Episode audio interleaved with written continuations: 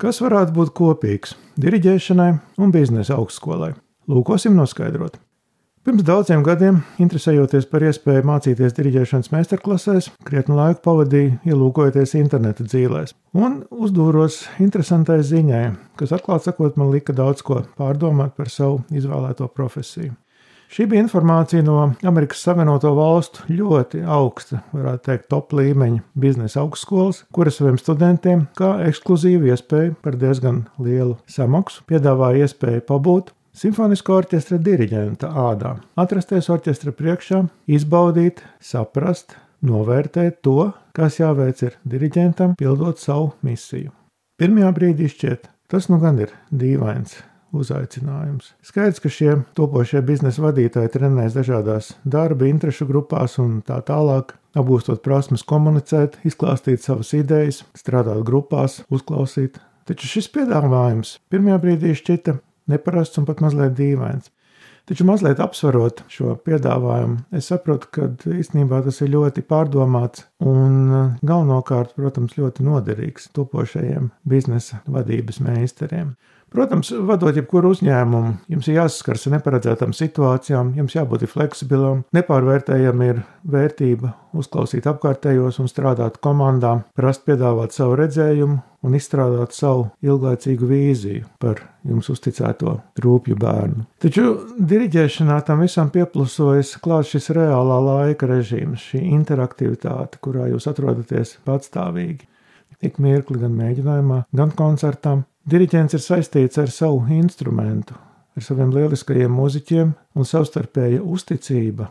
Šeit ir nenovērtējams bonus. Varbūt pat nevis bonus, bet absolūti nepieciešamība, bez kuras, principā, šī sadarbība nav iespējama.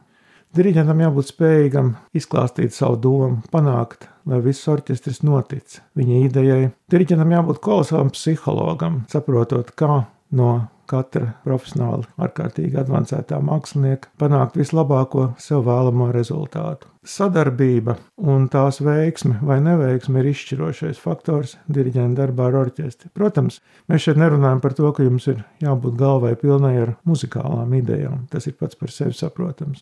Iepriekšējā sagatavošanās un darbs mājās ar partitūru tas ir iespējams, kad pats svarīgākais, lai jūs vispār nopietni dotos pie orķestra un sapņotu par panākumiem šajā nodarbē.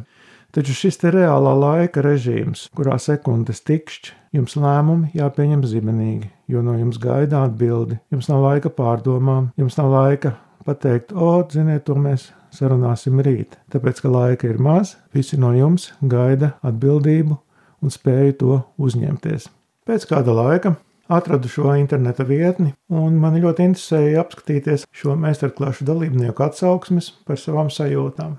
Un es vairs nejūtos pārsteigts, kad izlasīju vairākus komentārus no šiem topošajiem biznesa vadītājiem, ka atrasties orķestra priekšā ir ne ar ko nesalīdzināmas sajūtas kādas viņi nav izjutuši ne sarežģītos psiholoģiskos testos, ne rūpīgi organizētajās mācību darba grupās un tā tālāk. Šī te atbildība un uzmanība, kas koncentrējas uz jums orķestra mēģinājumu un koncertu procesā, ir neko nesalīdzināms lielums un prasa īpašu treniņu un fundamentālu sagatavošanos.